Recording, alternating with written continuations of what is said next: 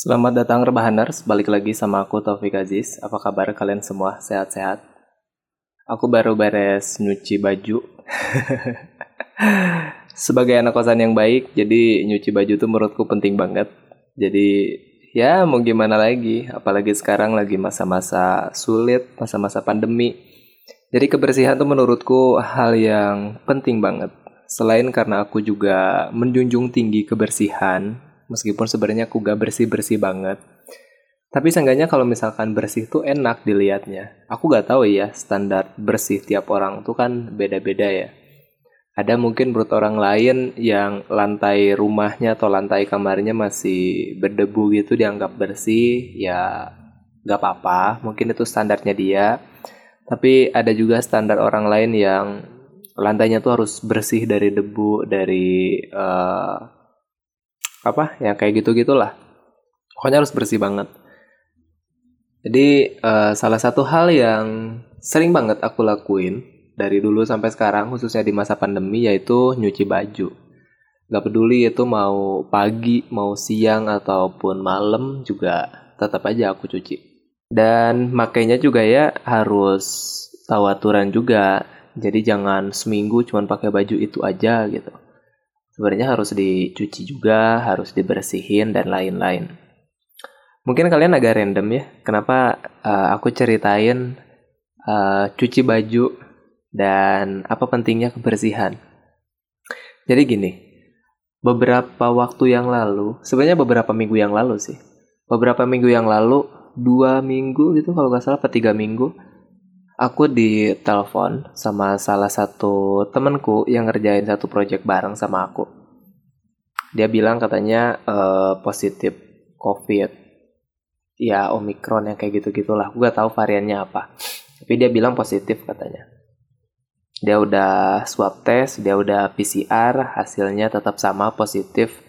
Dan dia disuruh isoman di rumah beberapa hari aku bilang sih sama dia kayak ya udah jangan kerja dulu istirahat aja dulu beresin aja dulu semuanya. Kalau misalkan nanti udah sehat lagi udah balik lagi kayak awal baru lanjutin kerjaannya. Karena aku gak mau uh, project yang lagi aku sama dia garap sama beberapa kawan yang lain garap malah apa ya malah dikerjain sama orang yang sakit gitu. Aku gak mau kayak gitu menurutku kesehatan atau sumber daya manusia yang ada di studioku ini harus sehat ya. Jangan sampai ada yang sakit karena aku gak pengen kayak gitu.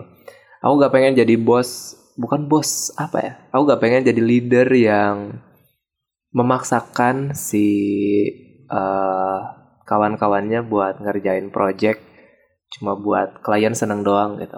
Aku tuh lebih baik uh, kehilangan klien daripada kehilangan si partner kerja kayak gitu. Nggak tahu dalam dunia bisnis itu baik atau enggak tapi kalau misalkan dalam sisi bisnis mungkin itu jelek ya. Itu jelek karena ya mereka dapat duit dari mana? Kalau misalkan bukan dari uh, partnernya dia gitu atau dari si kliennya dia. Pasti mikirnya kayak gitu. Tapi menurutku klien itu bisa dicari. Tapi kalau misalkan partner kerja tuh susah sih dicarinya. Ya meskipun gampang lah aku tinggal oprek lagi di LinkedIn gitu atau buka aja job street gitu kan terus aku masang iklan di sana buat nyari posisi yang aku butuhkan. Tapi gak segampang itu, karena nyari orang yang mau loyal sama kita, nyari orang yang mau sepemahaman sama kita, mau nyari orang yang uh, bisa menjelek-jelekan hasil karya kita, itu tuh susah. Kebanyakan orang begitu aku anggaplah kayak gini Misal ada satu temanku, begitu aku kasih tunjuk hasil kerja aku, gimana? Ada komentar gak? Wah gak ada mah katanya bagus bagus bla bla bla bla bla dan lain-lain. Menurutku aku gak butuh teman kayak gitu, aku gak butuh orang yang kayak gitu. Aku tuh butuh orang yang ketika aku nunjukin hasil karya aku, hasil kerjaan aku sama teman-teman, dia tuh bisa kritik gitu. Mang ini kurang di sini, warnanya terlalu A atau kayaknya batannya jangan di sini deh. Kayaknya ini tombol home-nya terlalu kejauhan atau apa pun itu namanya. Aku tuh butuh orang yang kayak gitu. Bahkan aku butuh teman-teman atau orang-orang yang bisa ngejelek-jelekin hasil kerjaan aku. kayak gitu jadi kalau misalkan aku cuma nyari orang buat mengapresiasi apa yang aku kerjakan doang atau cuma mengiyahkan doang hasil kerjaan aku itu banyak banyak banget orang yang kayak gitu tapi buat nyari orang yang bisa mengkritik bisa ngasih masukan bisa menjelek-jelekan hasil kerjaan aku itu tuh susah susah banget dicarinya dan gak banyak jadi sekalinya aku udah dapat orang kayak gitu aku udah menemukan orang itu sebisa mungkin aku pertahankan. Makanya kebanyakan orang-orang yang pernah kerja bareng aku di Visible Me, mereka tuh ngerasa nyaman, mereka tuh ngerasa gak mau uh, si project ini selesai, karena aku tuh kerjanya by project ya. Jadi misal kayak sekarang ada project, bukan project sih, aku uh, menentang diriku sendiri untuk ikutan kontes uh, UI UX design, bikin mobile apps dan lain-lain kayak gitu. Aku ingin coba menantang diriku sendiri gitu. Gak apa-apa lah aku modal di awal gitu karena uh, ini hadiahnya lumayan gede gitu. Gak apa aku modal di awal, aku nge-hire orang-orang, aku kumpulin, aku briefing, aku kasih tahu apa yang aku pengen uh, tuangkan di kompetisi ini atau di kontes ini. Banyak lah pokoknya. Sampai akhirnya uh, kita nemu di desain desain finalnya kayak gimana. Jadi kita mau bikin A, B, C, D dan lain-lain kayak gitu. Cukup panjang sebenarnya, butuh waktu sekitar tiga hari buat brainstorming doang. Karena kalau misalkan kontes kayak gitu waktunya agak lama ya, yang dikasih sama si orangnya itu. Paling cuman, paling lama sebulan kalau gak salah. Gak lama lah pokoknya. Sebulan paling lama. Ada yang bentar cuman seminggu misal, atau ada yang cuma dua minggu doang, atau lebih sebentar dari itu. Jadi tergantung mau ngambil yang mana gitu. Kayak kita tinggal milih aja. Ya udah tuh aku kumpulin tim, e, ngebangun tim sendiri, isinya gak banyak, ada empat orang doang. Dan menurutku e, semoga aja aku gak salah pilih ya. Sejauh ini sih aku enggak. Sampai akhirnya ya dia salah satu dari empat orang ini tuh termasuk aku, dia positif COVID. Dan aku bilang, uh, gak apa-apa sebenarnya sembuhin dulu aja berobat dulu aja pakai kalau misalkan ada obat yang bagus banget dan uh, apa ya manjur lah ya beli aja gak apa-apa gak usah mikirin biayanya kayak gimana biar aku tanggung kayak gitu rembes aja rembes aja gak apa-apa aku bilang kayak gitu makanya dia uh, pas udah terkonfirmasi kayak gitu mulai dari PCR kemudian obat-obatan, beli makanan, vitamin dan lain-lain itu uh, dari studio yang nanggung. Jadi dirembes kayak gitu. Sesekali mungkin kalau misalkan lagi iseng, kalau misalkan aku lagi meeting sama teman-teman yang lain, itu suka kita isengin, pesenin Gojek, pesenin Gojek gitu, GoFood, GoFood. Ada kita pesenin makanan, kirim ke tempat dia, habis dia nyampe, kita ngezoom bareng gitu, ketawa-ketawa sambil makan dan lain-lain. Menurutku itu asik. Menurutku itu asik banget karena uh, bagaimanapun dia butuh support kan. Uh, terlebih dia tinggal sendiri di kota yang cukup jauh dari tempat aku tinggal. Aku di Bandung di Cimahi. Dia ada di misalkan dari Cimahi 12 jam gitu di daerah Jogja gitu. Aku lupa uh, nama tempatnya apa tapi masih di sekitaran DIY lah sana. Udah tuh kita ngobrol-ngobrol sambil selling project dan lain-lain, nanyain perkembangannya sampai mana, udah baikan apa belum, sampai setelah lewat dua minggu di minggu tiga minggu deh, tiga minggu hampir masuk ke hari ke 21 dia bilang katanya uh, udah baikan, udah baikan, mau dites besoknya di hari ke 22 nya gitu, aku lupa. Ke 22 nya ke 21 sorenya aku lupa dan dia bilang katanya udah negatif. Yes, bagus gak apa-apa. Keren menurutku, keren banget. Karena pengalamanku dulu waktu sakit yang Gak tau aku dulu sakitnya apa ya Aku gak tahu sih dulu kan uh, tes swab Kayak gitu masih mahal banget ya Masih ratusan ribu PCR juga masih yang 2 juta setengahan Jadi waktu itu gak berani tes Karena gak punya uangnya uangnya ngepas lah buat berobat dan lain-lain. Jadi aku lebih penting kayak ya aku berobat aja dulu gitu daripada harus bayar sekian ratus ribu untuk tes doang gitu. Udah aku beli obat, beli makanan yang emang bakalan aku makan, meskipun ternyata itu gak sehat. Daripada aku beli buah-buahan atau apa pun itu namanya, aku lebih baik beli mie aja gitu, mie rebus. Ya, meskipun pada akhirnya begitu dimakan gak enak kan, gak ada rasanya. Karena itu jujur gak ada rasa apa-apa, terus sakit banget badannya ngilu dan lain-lain. Gejalanya mirip sama covid lah pas awal-awal.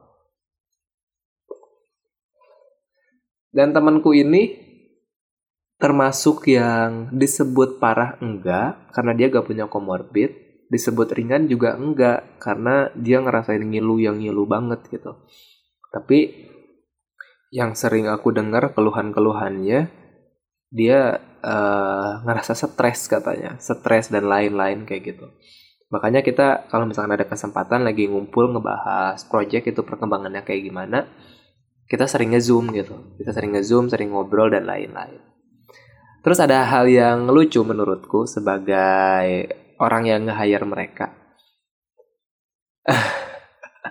Beberapa hari yang lalu dia nanya, Bang, uh, yang kemarin tuh hitungannya gimana katanya? Dipotong dari gaji aku atau gimana katanya. Terus aku bilang aja, gak apa-apa, gak usah, gak usah dipikirin. Gaji kamu tetap utuh, kata aku sesuai perjanjian awal.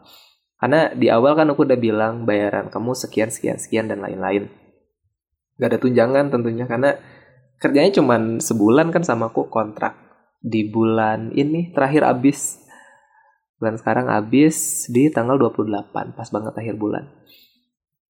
Kayak gitu tuh aku bilang aja nggak apa-apa gak usah kata aku teh. Uh, karena itu kewajiban aku karena kamu udah kerja bareng sama aku kamu kayak gini juga karena mungkin kepentingan kerjaan jadi gak usah dipikirin. Bayaran kamu tetap bayaran kamu full gak akan aku potong sepersen pun. Kecuali biaya admin transfer bank ya 6500 nggak anjir nggak gue bercanda. Gak akan pernah aku potong sepersen pun dan untuk biaya pengobatan uh, tes dan lain-lain selama dia sakit itu emang udah ditanggung gitu. Meskipun karena aku nggak tahu ya aku gak punya BPJS di tempat aku. Jadi kita pekerja lepas aja pekerja serabutan gitu jadi gak ada BPJS kesehatan, gak ada BPJS ketenaga kerjaan yang katanya harus dicairkan ketika umur 56 tahun yang aku gak tahu ya duitnya mau dipakai buat apa. Tapi uh, update terbarunya, mungkin kalian bertanya-tanya ya, gimana emang uh, projectnya jalan apa enggak gitu. Terus gimana uh, pengembangan si UI buat mobile apps-nya kayak gimana. Aku bisa bilang itu fail. Dengan gamblang aku bakal bilang di sini tuh semua fail, gagal. Karena ya kalian tahu sendiri kan kenapa alasannya. Aku gak perlu sebutin lagi alasannya apa. Kalian juga udah tahu kan tadi kayak gimana. Karena buat ngehandle uh, ini tuh gak bisa sama satu atau dua orang gitu. Aku tuh udah perhitungin banget kenapa aku nyarinya empat orang gitu. Kenapa gak dua orang aja? Padahal dari segi uh, pembayaran lebih minim kan karena lebih sedikit orangnya.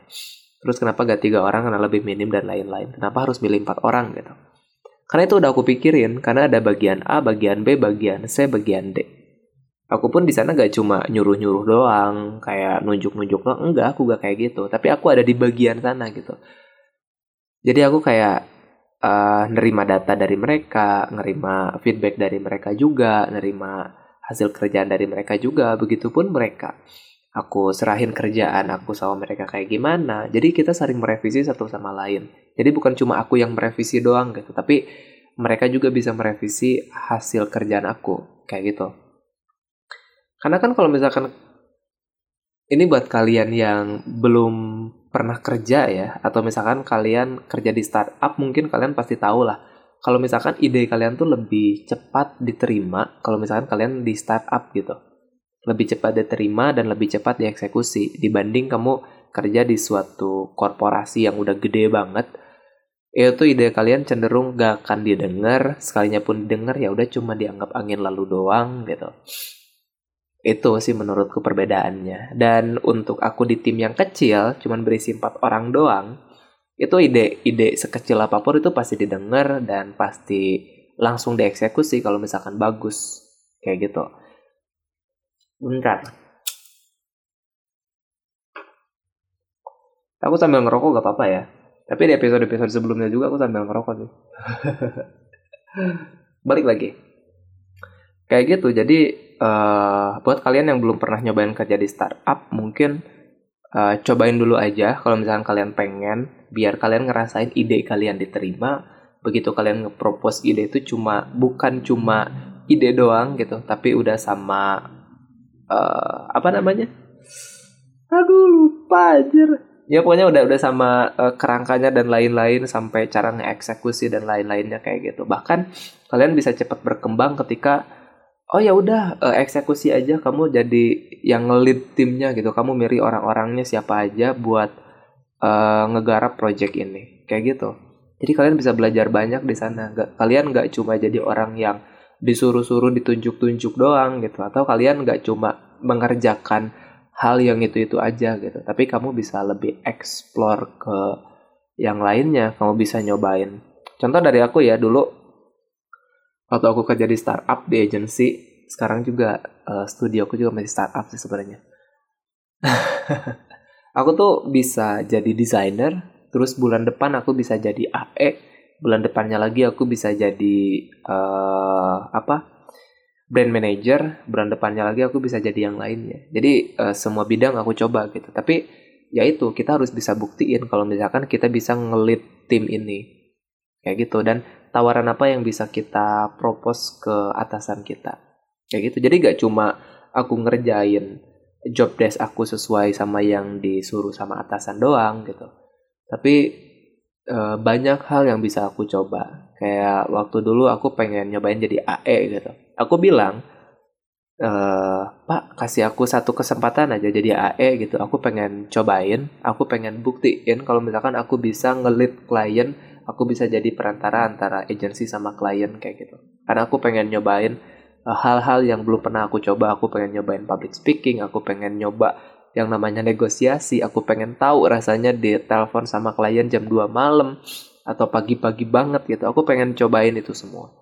Dan sampai akhirnya aku dipercaya ya udah uh, cobain aja dulu katanya. Kita punya satu brand yang kayaknya bisa gitu. Ya udah aku propose dan lain-lain. Di sana aku present di sana aku ngenalin tim-tim aku dan lain-lain. Di sana aku tahu rasanya menenangkan si klien tuh kayak gimana. Di sana aku ngerasain rasanya di telepon pas pulang kerja gitu. Terus apa nelponin uh, orang desain gitu dan lain-lain. Itu aku ngerasain ngeganggu orang kayak gimana lembur sampai sampai sakit gitu. Meskipun itu nggak lama ya proyeknya karena beli putus dia bikin campaign gitu. Tapi bikin campaign bentuknya video campaignnya berkesinambungan tapi videonya tuh beli putus gitu. Belinya dari agency yang aku kerja di sana. Dan aku yang uh, sebagai AE-nya aku ngelit uh, teman-teman aku dan lain-lain. Menurut itu keren banget sih. Itu pengalaman yang gak pernah bisa aku lupain. Enggak sih sebenarnya gampang lupa aku tapi seenggaknya itu sedikit mengobati rasa pengen aku untuk jadi seorang sales. Jujur dari dari dari kuliah sih sebenarnya. Dari kuliah aku tuh pengen banget nyobain rasanya jadi sales. Dan baru kecampean jadi AE doang. Aku pengen nyobain jadi sales beneran. Anggaplah sales mobil aku pengen nawar-nawarin brosur. Aku pengen tahu rasanya ditolak sama customer kayak gimana. Aku pengen tahu uh, begitu customer bilang oh ambil brosurnya dulu ya nanti saya telepon. Aku pengen banget denger jawaban itu dari calon customer yang sebenarnya dia gak mau dengerin kita dia juga gak mau nelpon balik kita.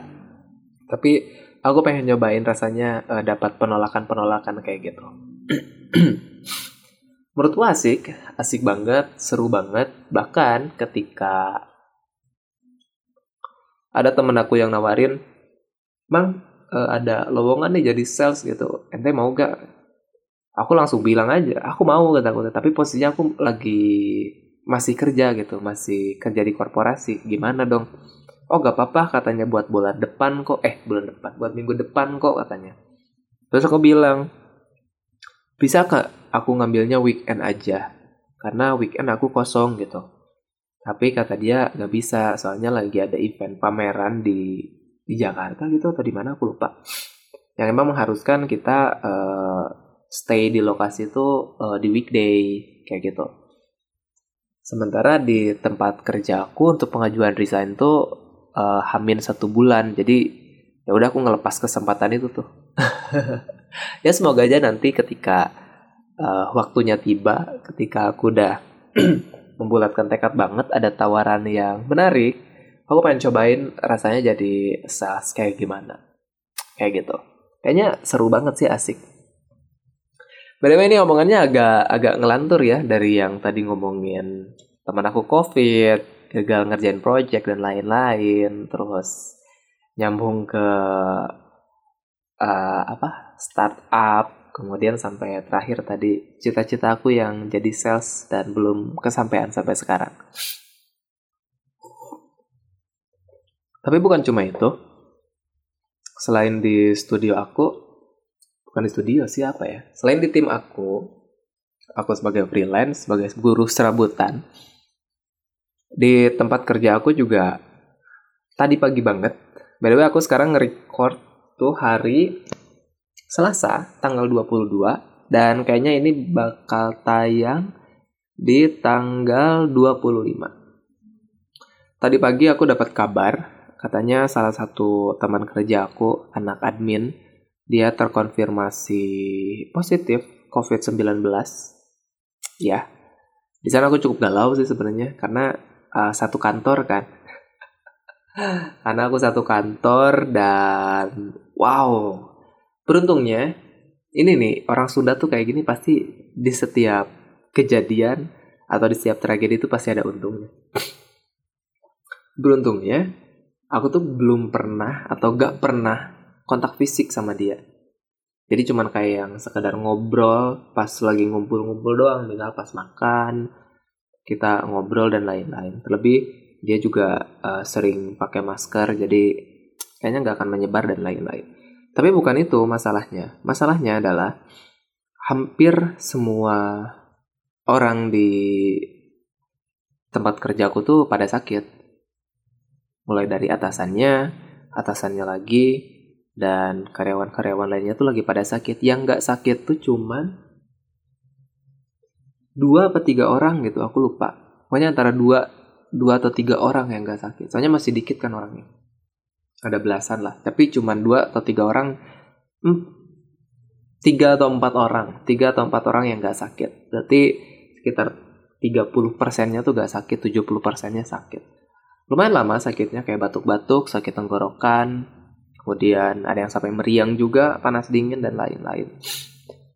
Kalau dari tandanya sih ya agak serem juga sih apakah ini beneran COVID atau enggak gitu. Dan dikonfirmasi tadi ternyata ada satu orang yang terindikasi dan terkonfirmasi COVID-19. Panik banget karena aku takut, aku takut kalau misalkan aku terinfeksi juga gitu. Terlebih kan aku udah divaksin booster. Kalau misalkan aku di, aku aku yang udah divaksin booster aja masih terkonfirmasi COVID atau masih terjangkit COVID, wah, habis aku dicengin sih. Dan gak lama eh, kita semua mau di swab test bareng-bareng semuanya. Tapi uh, selang beberapa jam di cancel. Ini gak akan aku ceritain alasannya kenapa, tapi uh, kayak yang di awal bilang tadi, kayak yang di awal aku bilang tadi, kalau misalkan otaknya otak bisnismen, mungkin uh, cara ngadepin masalah kayak gini beda ya. Jadi segala mungkin kekurangan, semua uh, yang jelek-jelek tuh pasti ditutupin. Jadi yang diperlihatkan tuh yang baik-baik. Jadi daripada ketahuan jeleknya, mending gak usah sekalian. Pikirku kayak gitu. Karena aku gak tahu sih maksud mereka kayak gimana. Tapi yang hmm, yang aku tangkap mereka lebih mempertahankan ya udahlah kalian uh, santai aja jangan ribut jangan aneh-aneh. Kalau misalkan di kita tuh ada yang covid pokoknya uh, stay live aja. Udah santai aja let go aja. Jalanin aja. Jangan sampai gujrut gujrut itu apa ya? Jangan sampai ribut lah jangan sampai ribut ke orang lain kalau misalkan di kita tuh ada yang positif covid dan ya, kalian bisa nebak kan bagaimana cara cara berpikir uh, bisnis sama cara berpikir kemanusiaan. Aku gak bilang tempat kerja aku ini gak memikirkan faktor kemanusiaan, tapi hmm, gimana ya? Kalian bisa nilai sendirilah kayak gimana. Karena yang aku tekankan dari dulu sampai sekarang, dari zamannya Visible Me awal-awal yang masih bertiga, se apa ya, sepadat apa pun kegiatan kita kalau misalkan sakit ya udah rehat aja dulu. Rehat dulu istirahat dulu perbaiki dulu uh, apa sakitnya diobatin dulu. Kalau misalkan udah sembuh dan ternyata mau balik lagi ngelanjutin kerjaannya lanjutin tapi kalau misalkan ternyata belum sembuh jangan dulu uh, berani-berani buat nyentuh kerjaan. Dari dulu uh, prinsipku kayak gitu sih sama si keke sama si putri. Jadi mungkin ke bawah sampai sekarang ya makanya aku agak heran sih kayak apakah aku harus resign dari sini sampai aku mikir kayak gitu? Pikiranku bukan bukan skeptis kayak oh ini gak gak mikirin karyawannya banget atau apalah gitu namanya karena kan kalau misalkan uh, udah dites otomatis ketahuan kan yang positifnya siapa aja dan bisa dipulangkan bisa diistirahatkan jadi jangan dipush untuk kerja. Tapi kalau misalkan gak dites kan kita gak ada yang tahu. Siapa tahu ternyata aku sakit, aku tetap maksa kerja gitu kan karena gak ada kompensasi atau yang lainnya. Terus aku menyebarkan ke yang lainnya atau apalah itu namanya. Gimana? Jadi lebih berabe kan? Jadi lebih ribet juga kan urusannya. Karena urusannya bukan cuma tentang aku doang, tapi tentang orang lain juga. Ya menurutku itu sih yang aku sayangkan. Makanya aku sempat mikir pas tadi di jalan pulang, kok bisa ya kayak gitu? Kok bisa ya gak mikirin si sumber daya manusianya? Berarti kan kalau misalkan semua orang di sana mikir, berarti emang atasannya atau si company ini tuh gak mikirin kelangsungan hidup si karyawannya. Sesimpel itu sebenarnya dengan cara apa yang dia lakukan atau dengan cara dia ngetrit karyawannya kayak gimana. Tapi kalau misalkan ternyata si si company-nya, aku ngomongin company lah ya biar lebih mewakili. Gak ngomongin orang aku. Kalau misalkan si company-nya lebih memikirkan si sumber daya manusianya, berarti itu patut diperjuangkan menurut aku. Karena sejelek apa pun company-nya, kalau misalkan dia masih memperjuangkan uh, sumber daya manusianya, menurutku itu layak diperjuangkan. Daripada dia cuma mikirin kayak ya, omset omset omset omset dan lain-lain. Percuma gitu kan. Omset tuh gak akan pernah kecapai tinggi kalau misalkan kesejahteraan karyawannya kelayakan karyawannya tuh masih di bawah. Dan kalau misalkan karyawannya masih gitu-gitu aja gitu kan gak sejahtera atau belum sejahtera untuk mencapai omset itu mungkin akan susah. Dan mungkin bakal berulang kali uh, rombak-rombak formasi gitu. Entah itu dari tim marketingnya atau dari tim salesnya atau dari tim kreatifnya atau yang lainnya. Mungkin bakal gonta-ganti formasi ya menurutku kayak gitu. Jadi uh, aku gak tahu sih kalian uh, mikirnya kayak gimana dari cerita yang aku sampaikan tadi?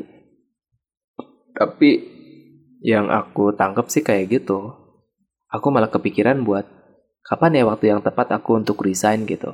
Aku kepikiran buat ya mungkin beberapa bulan lagi gitu, tiga atau empat atau lima bulan lagi kalau misalkan ada hal yang sama dan masih kayak gitu, mungkin itu uh, earning pointnya aku harus keluar dari sana kayak gitu. Karena aku gak mau uh, apa ya ke sana tuh cuman sekedar kayak robot doang gitu. Aku gak mau kayak gitu. Karena aku berhubungannya sama manusia. Aku ke sana begitu ngelamar ketemu sama orang ketemunya sama manusia gitu. Dan begitu dijelasin job desk pekerjaan dan lain-lain juga masih humanis.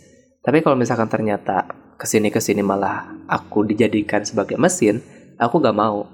Aku lebih memilih buat cabut dari sana terus nyari company yang emang bisa lebih menghargai sumber daya manusianya menurut tuh kayak gitu sih tapi aku gak tahu ya kalian mikirnya kayak gimana itu cuman pemikiran bodoh aku aja dan perlu kalian tahu kalau misalkan cerita terakhir itu tuh bohong. Aku bohong, aku ngarang cerita tadi. Sorry banget kalau misalkan kalian dengerinnya terlalu serius, tapi ya gak apa-apa lah. Ini namanya juga cerita ngasal kan. Anggap aja itu cerpen yang aku bacain gitu. Kayak gitu. Uh, minggu ini aku gak bakal bacain pertanyaan dari kalian atau cerita-cerita dari kalian. Mungkin minggu depan aja. Karena ini durasinya udah 30 menit ya. Iya udah 30 menitan. Jadi kayaknya udah cukup sampai di sini aja. Kita ketemu lagi di episode berikutnya. Semoga. Bye.